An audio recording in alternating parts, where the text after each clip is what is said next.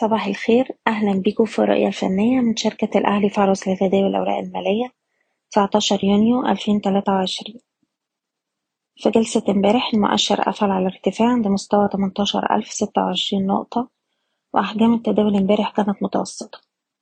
دلوقتي المؤشر بيستهدف مستوى المقاومة الرئيسي عند 18142 نقطة وده أعلى مستوى اتسجل في 2023 تأكيد اختراق المستوى ده الأعلى هيفتح لنا الطريق لمستوى المقاومة الرئيسي والقمة المسجلة في ألفين وتمنتاشر عند التمنتاشر ألف وربعمية.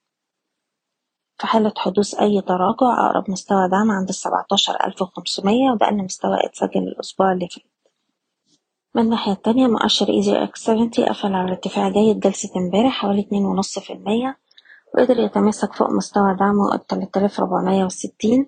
وده ممكن يفتح له الطريق لإعادة اختبار مستوى سبعمية وستين مرة تانية.